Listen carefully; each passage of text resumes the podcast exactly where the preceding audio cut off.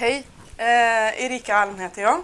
Och jag är eh, idéhistoriker, förhållandevis nydisputerad, disputerad för lite drygt ett år sedan.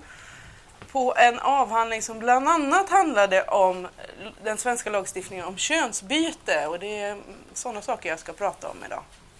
Rubriken på den här lilla korta, korta föreläsningen är alltså Kan man få ett personnummer om man inte har ett kön? Och det korta svaret är ja, det kan man, men det är bara ett preliminärt personnummer. Det är nämligen så här att eh, när det föds ett barn i Sverige så förutom att barnmorskan givetvis då hjälper till vid själva förlossningen så har hon andra skyldigheter också. Hon ska nämligen se till att så fort barnet är fött så ska hon eh, Skriv, skicka in en registrering av att det har skett en födelse till folkbokföringen och i den här registreringen av en födelse så ska det bland annat stå vilket kön barnet tillhör. Och den här eh, anmärkningen om vilket kön barnet tillhör, den ligger sedan till grund då för det som kallas för könsanteckning som, som finns i folkbokföringen och som syns i till exempel pass och på körkort, som där det står kvinna eller man, eller male eller female eh, i engelskan då. Eh, men det ligger också till grund för personnumret. Därför att den näst sista siffran i svenska personnummer är könsdifferentierad, alltså ser olika ut för kvinnor och män. Och när det då föds ett barn där man är osäker på vilket kön det här barnet har. Eh, och det sker ungefär, alltså, eh, svenska läkare säger att ungefär mellan 5 och 10 barn föds i Sverige varje år där man är så pass osäker på vilket, vilket kön det här barnet tillhör att man faktiskt inte kan fatta beslut på en gång. Utan barnen är då tvungna att få ett preliminärt personnummer för de måste ju registreras i folkbokföringen. Eh, födelsen måste registreras, men de får ett preliminärt eh, personnummer. Och sen sätts det igång en stor utredning då för att försöka avgöra vilket, vilket kön som ska passa det här barnet. Och i den här utredningen som då görs, som i första hand är en medicinsk utredning, så kan man säga att de avvägandena som man gör då, de säger en hel del, inte bara om synen på kön och könslighet när det gäller barn som föds med just T-tidig könslighet, utan de säger också ganska mycket om vår syn på kvinnlighet och manlighet och könslighet i allmänhet, alltså våra föreställningar om kön, sociala föreställningar om kön. Och det är lite de sakerna som jag tänkte att jag skulle fokusera på, de resterande 11-12 minuterna. Vi brukar säga som sagt ungefär mellan 5 och 10 barn föds varje, varje år i Sverige där man är, man är osäker på, på vilket kön de här barnen tillhör. Och anledningarna till att man, kan, att man är osäker, alltså att barnen är tvetydigt könade, att det inte går att se på en gång om det är en flicka eller pojke, de kan vara väldigt olika. Det finns eh, dels genetiskt betingade avvikelser. Det finns också avvikelser som beror på hormonella orsaker. Och sen finns det alltså hos, hos, det, hos fostret under, foster, under fostertiden. Men sen så finns det också avvikelser som beror på miljön som fostret har, har vuxit i, alltså på miljön i, i livmodern. Så det finns många olika anledningar till att ett barn föds med ett tvetydigt kön. Och man brukar, när man pratar om de här barnen som, som föds tvetydigt könade så brukar man använda begreppet intersexuell som ett samlingsbegrepp. Och det är ett samlingsbegrepp för flera olika medicinska diagnoser. Då. Eh, det gamla begreppet som man har använt i historisk tid har ju varit hermafrodit. Vilket är ett begrepp, eller hermafroditism då, vilket är ett begrepp som många intersexuella idag är väldigt skeptiska till och menar att det finns eh, stora problem med det. Ett annat begrepp som, som, som kommer och som man använder väldigt mycket i USA det är eh, disorder of sex development och det är det som man också som många läkare, svenska läkare använder. Så om ni stöter på det, DSD brukar det då förkortas, så vet ni vad det handlar om. Det är eh, det nya begreppet som man oftast använder när det gäller barn som föds med, med intersexuella symptom. Men vad gör man då? Alltså vad är det man, vad är det man, vad är det man gör när man ska försöka fastställa ett barns könstillhörighet. Och dels så gör man ju som sagt en väldigt omfattande medicinsk bedömning. Man eh, kollar vad, det, alltså vad barnet har för genetisk konstitution. Om de har eh, en, om de har en X-kromosom eller en Y-kromosom sina könskromosomer, de har XX eller XY, eller kanske XXY eller XYY. Eh, sen så gör man också väldigt omfattande eh, undersökningar vad det gäller det hormonell, de hormonella balanserna i barnets kropp. Därför att det är en av de faktorer som man lägger störst vikt vid idag. Om man ser historiskt sett kring hur man har behandlat intersexuella barn så har det, den faktorn man lagt allra störst vikt vid från 1950-talet och framåt, för det är från 50-talet och framåt som man har haft en sån pass utvecklad kirurgi att man har eh, gjort eh, alltså köns, alltså könskorrigerande eh, operationer på barn som är födda tvetydigt könade. Från, från 1950 eh, och fram till ungefär eh, mitten på 1990-talet så skulle man kunna säga så var det faktorn man lade absolut störst vikt vid. Det var inte det genetiska könet eller det hormonella könet som vi idag lägger väldigt mycket vikt vid utan det var utseendet på könsorganen. Alltså hur såg de yttre könsorganen ut, könsorganen ut och kunde man med hjälp av då plastikkirurgi operera barnen så att de liknade, deras könsorgan liknade flick, flickorgan eller pojkorgan. Då. Alltså att de liknade andra flickor och pojkar så mycket som möjligt. Det var den faktorn man la absolut störst vikt vid. Och då gjorde man till exempel så under en väldigt lång tidsperiod när det föddes eh, barn som man tyckte borde, alltså där, där eh, det kirurgiskt sett var lättare att skapa ett, ett kvinnligt könsorgan än ett manligt så gjorde man väldigt ofta så att man gjorde eh, man plockade bort hela klitoris om den var för stor. Alltså man gjorde det man kallar för en klitorektomi. Plockade bort alltihopa. Och det hade att göra med givetvis då de föreställningar som fanns kring den kvinnliga sexualiteten under den tidsperioden. Alltså att man föreställde sig att kvinnans klitoris inte hade någon större betydelse för hennes sexualitet.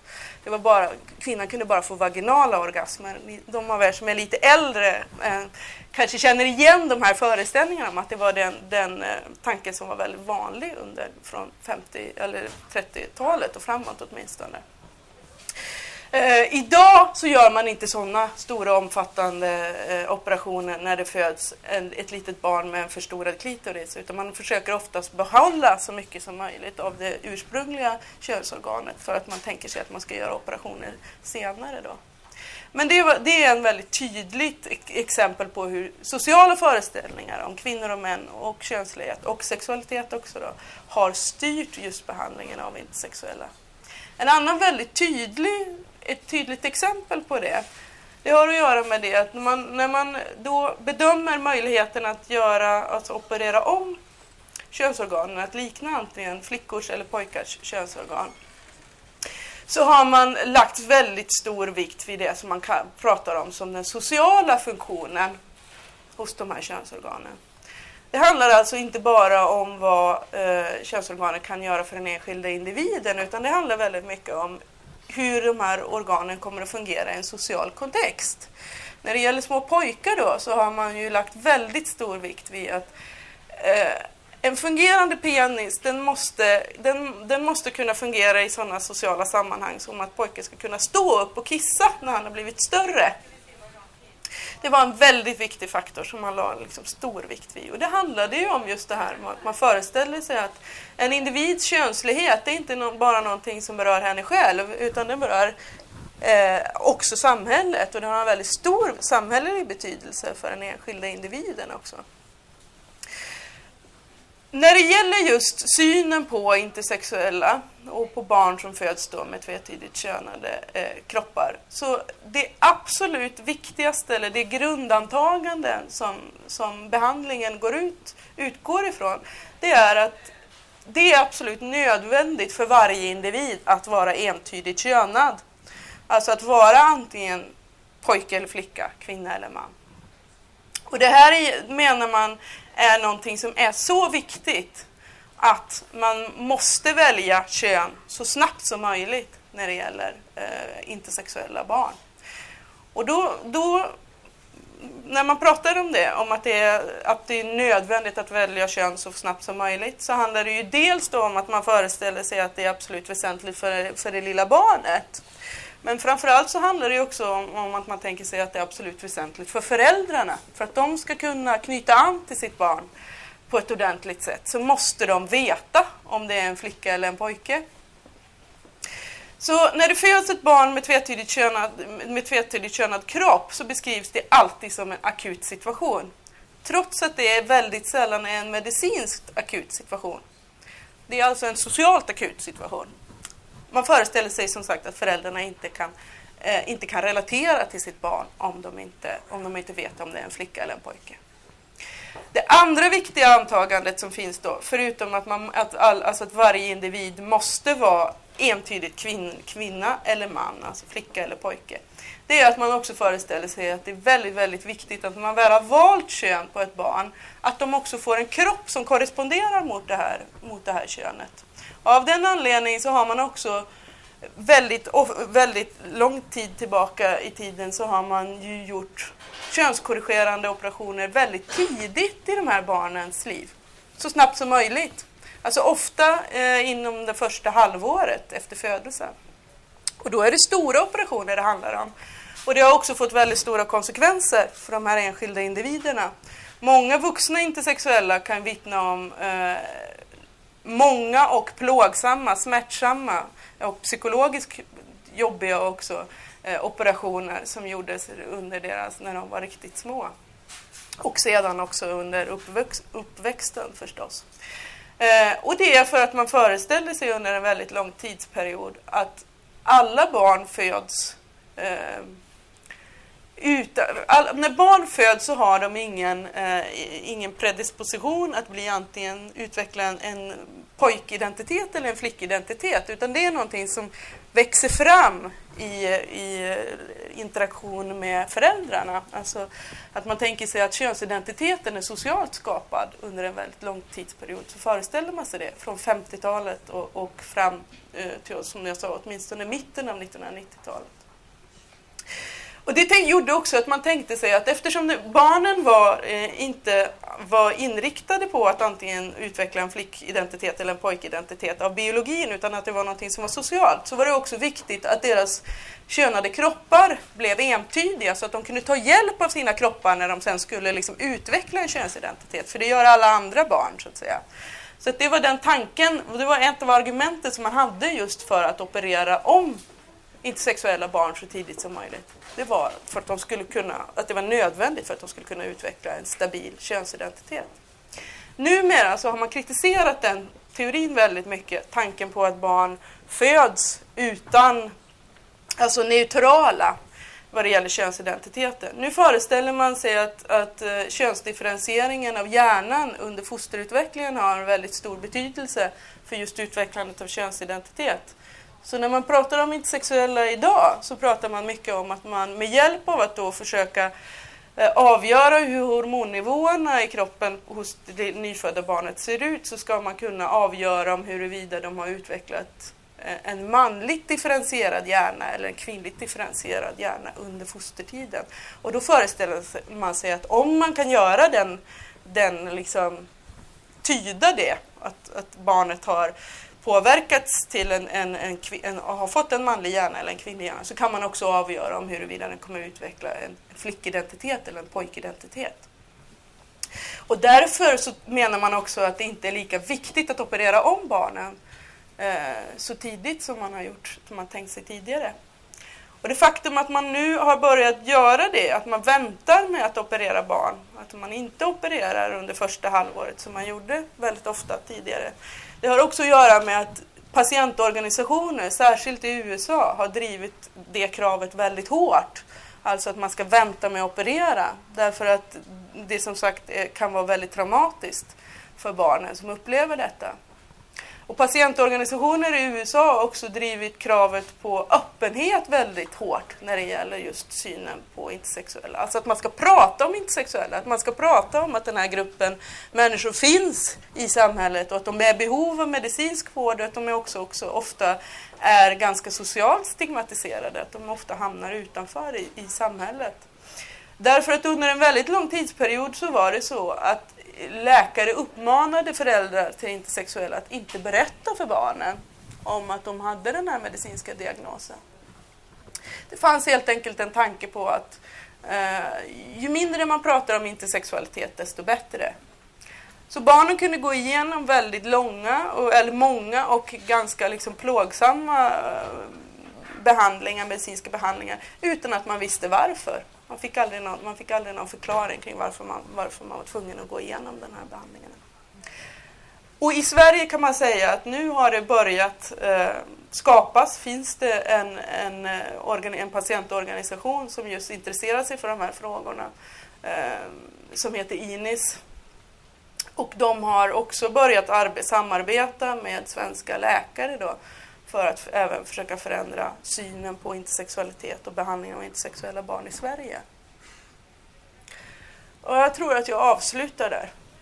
Är det någon som har några frågor? Ja. Det är så att man inte opererar lika snabbt idag. Mm. Vad, hur, vad utgår man då ifrån när man bestämmer könet? Ofta, alltså det man, det, de två faktorer som man brukar hävda är de viktigaste idag är alltså dels det genetiska könet. Alltså man, man, att man faktiskt tar mer hänsyn till den genetiska kompositionen idag än vad man har gjort tidigare. Men framförallt så handlar det ju då om att man försöker avgöra hur eh, om barnets kropp har möjlighet att, att, att svara på, på testosteron till exempel Därför att det är en av, de, eh, en av de diagnoser som ingår under intersexualitet är att man har, eh, de, de barnen har XY, alltså har en manlig, eh, ett manligt genetiskt kön och har också liksom, inre könsorgan delvis utvecklade i manlig könsriktning. Men deras kroppar svarar inte på testosteronet, alltså receptorerna som ska, i, i cellerna som ska svara på testosteronet svarar inte på det sätt som ska göra. Så ofta så är de yttre könsorganen väldigt feminiserade, alltså liknar kvinnliga könsorgan. Så det är en av de saker som man kollar, är väldigt noga med att kolla, därför att de, i de fallen så brukar man ju välja kvinnligt kön då. Av den anledningen att man vet att kropparna kommer ju, alltså barnets kroppar kommer aldrig att reagera på testosteron. Det spelar ingen roll om man, alltså hormonproduktionen är fullt normal men, men kroppen reagerar inte på det. Och det är, en av de, det är ett tydligt exempel på varför man menar att, att just hormonerna och, och kroppens reaktioner på hormonerna är en väldigt viktig faktor som man har struntat ganska mycket i tidigare. Delvis därför att man har, inte har känt till det så mycket.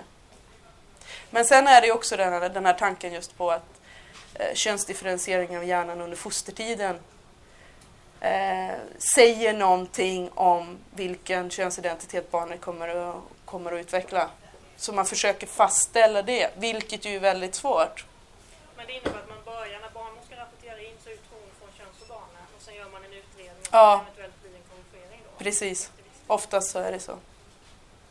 I de flesta fall när det, när det föds barn med, med tvetydigt könade kroppar så är, de, alltså, så är de yttre könsorganen så pass eh, tvetydiga att man ganska snabbt kan, kan säga att här har någonting gått snett.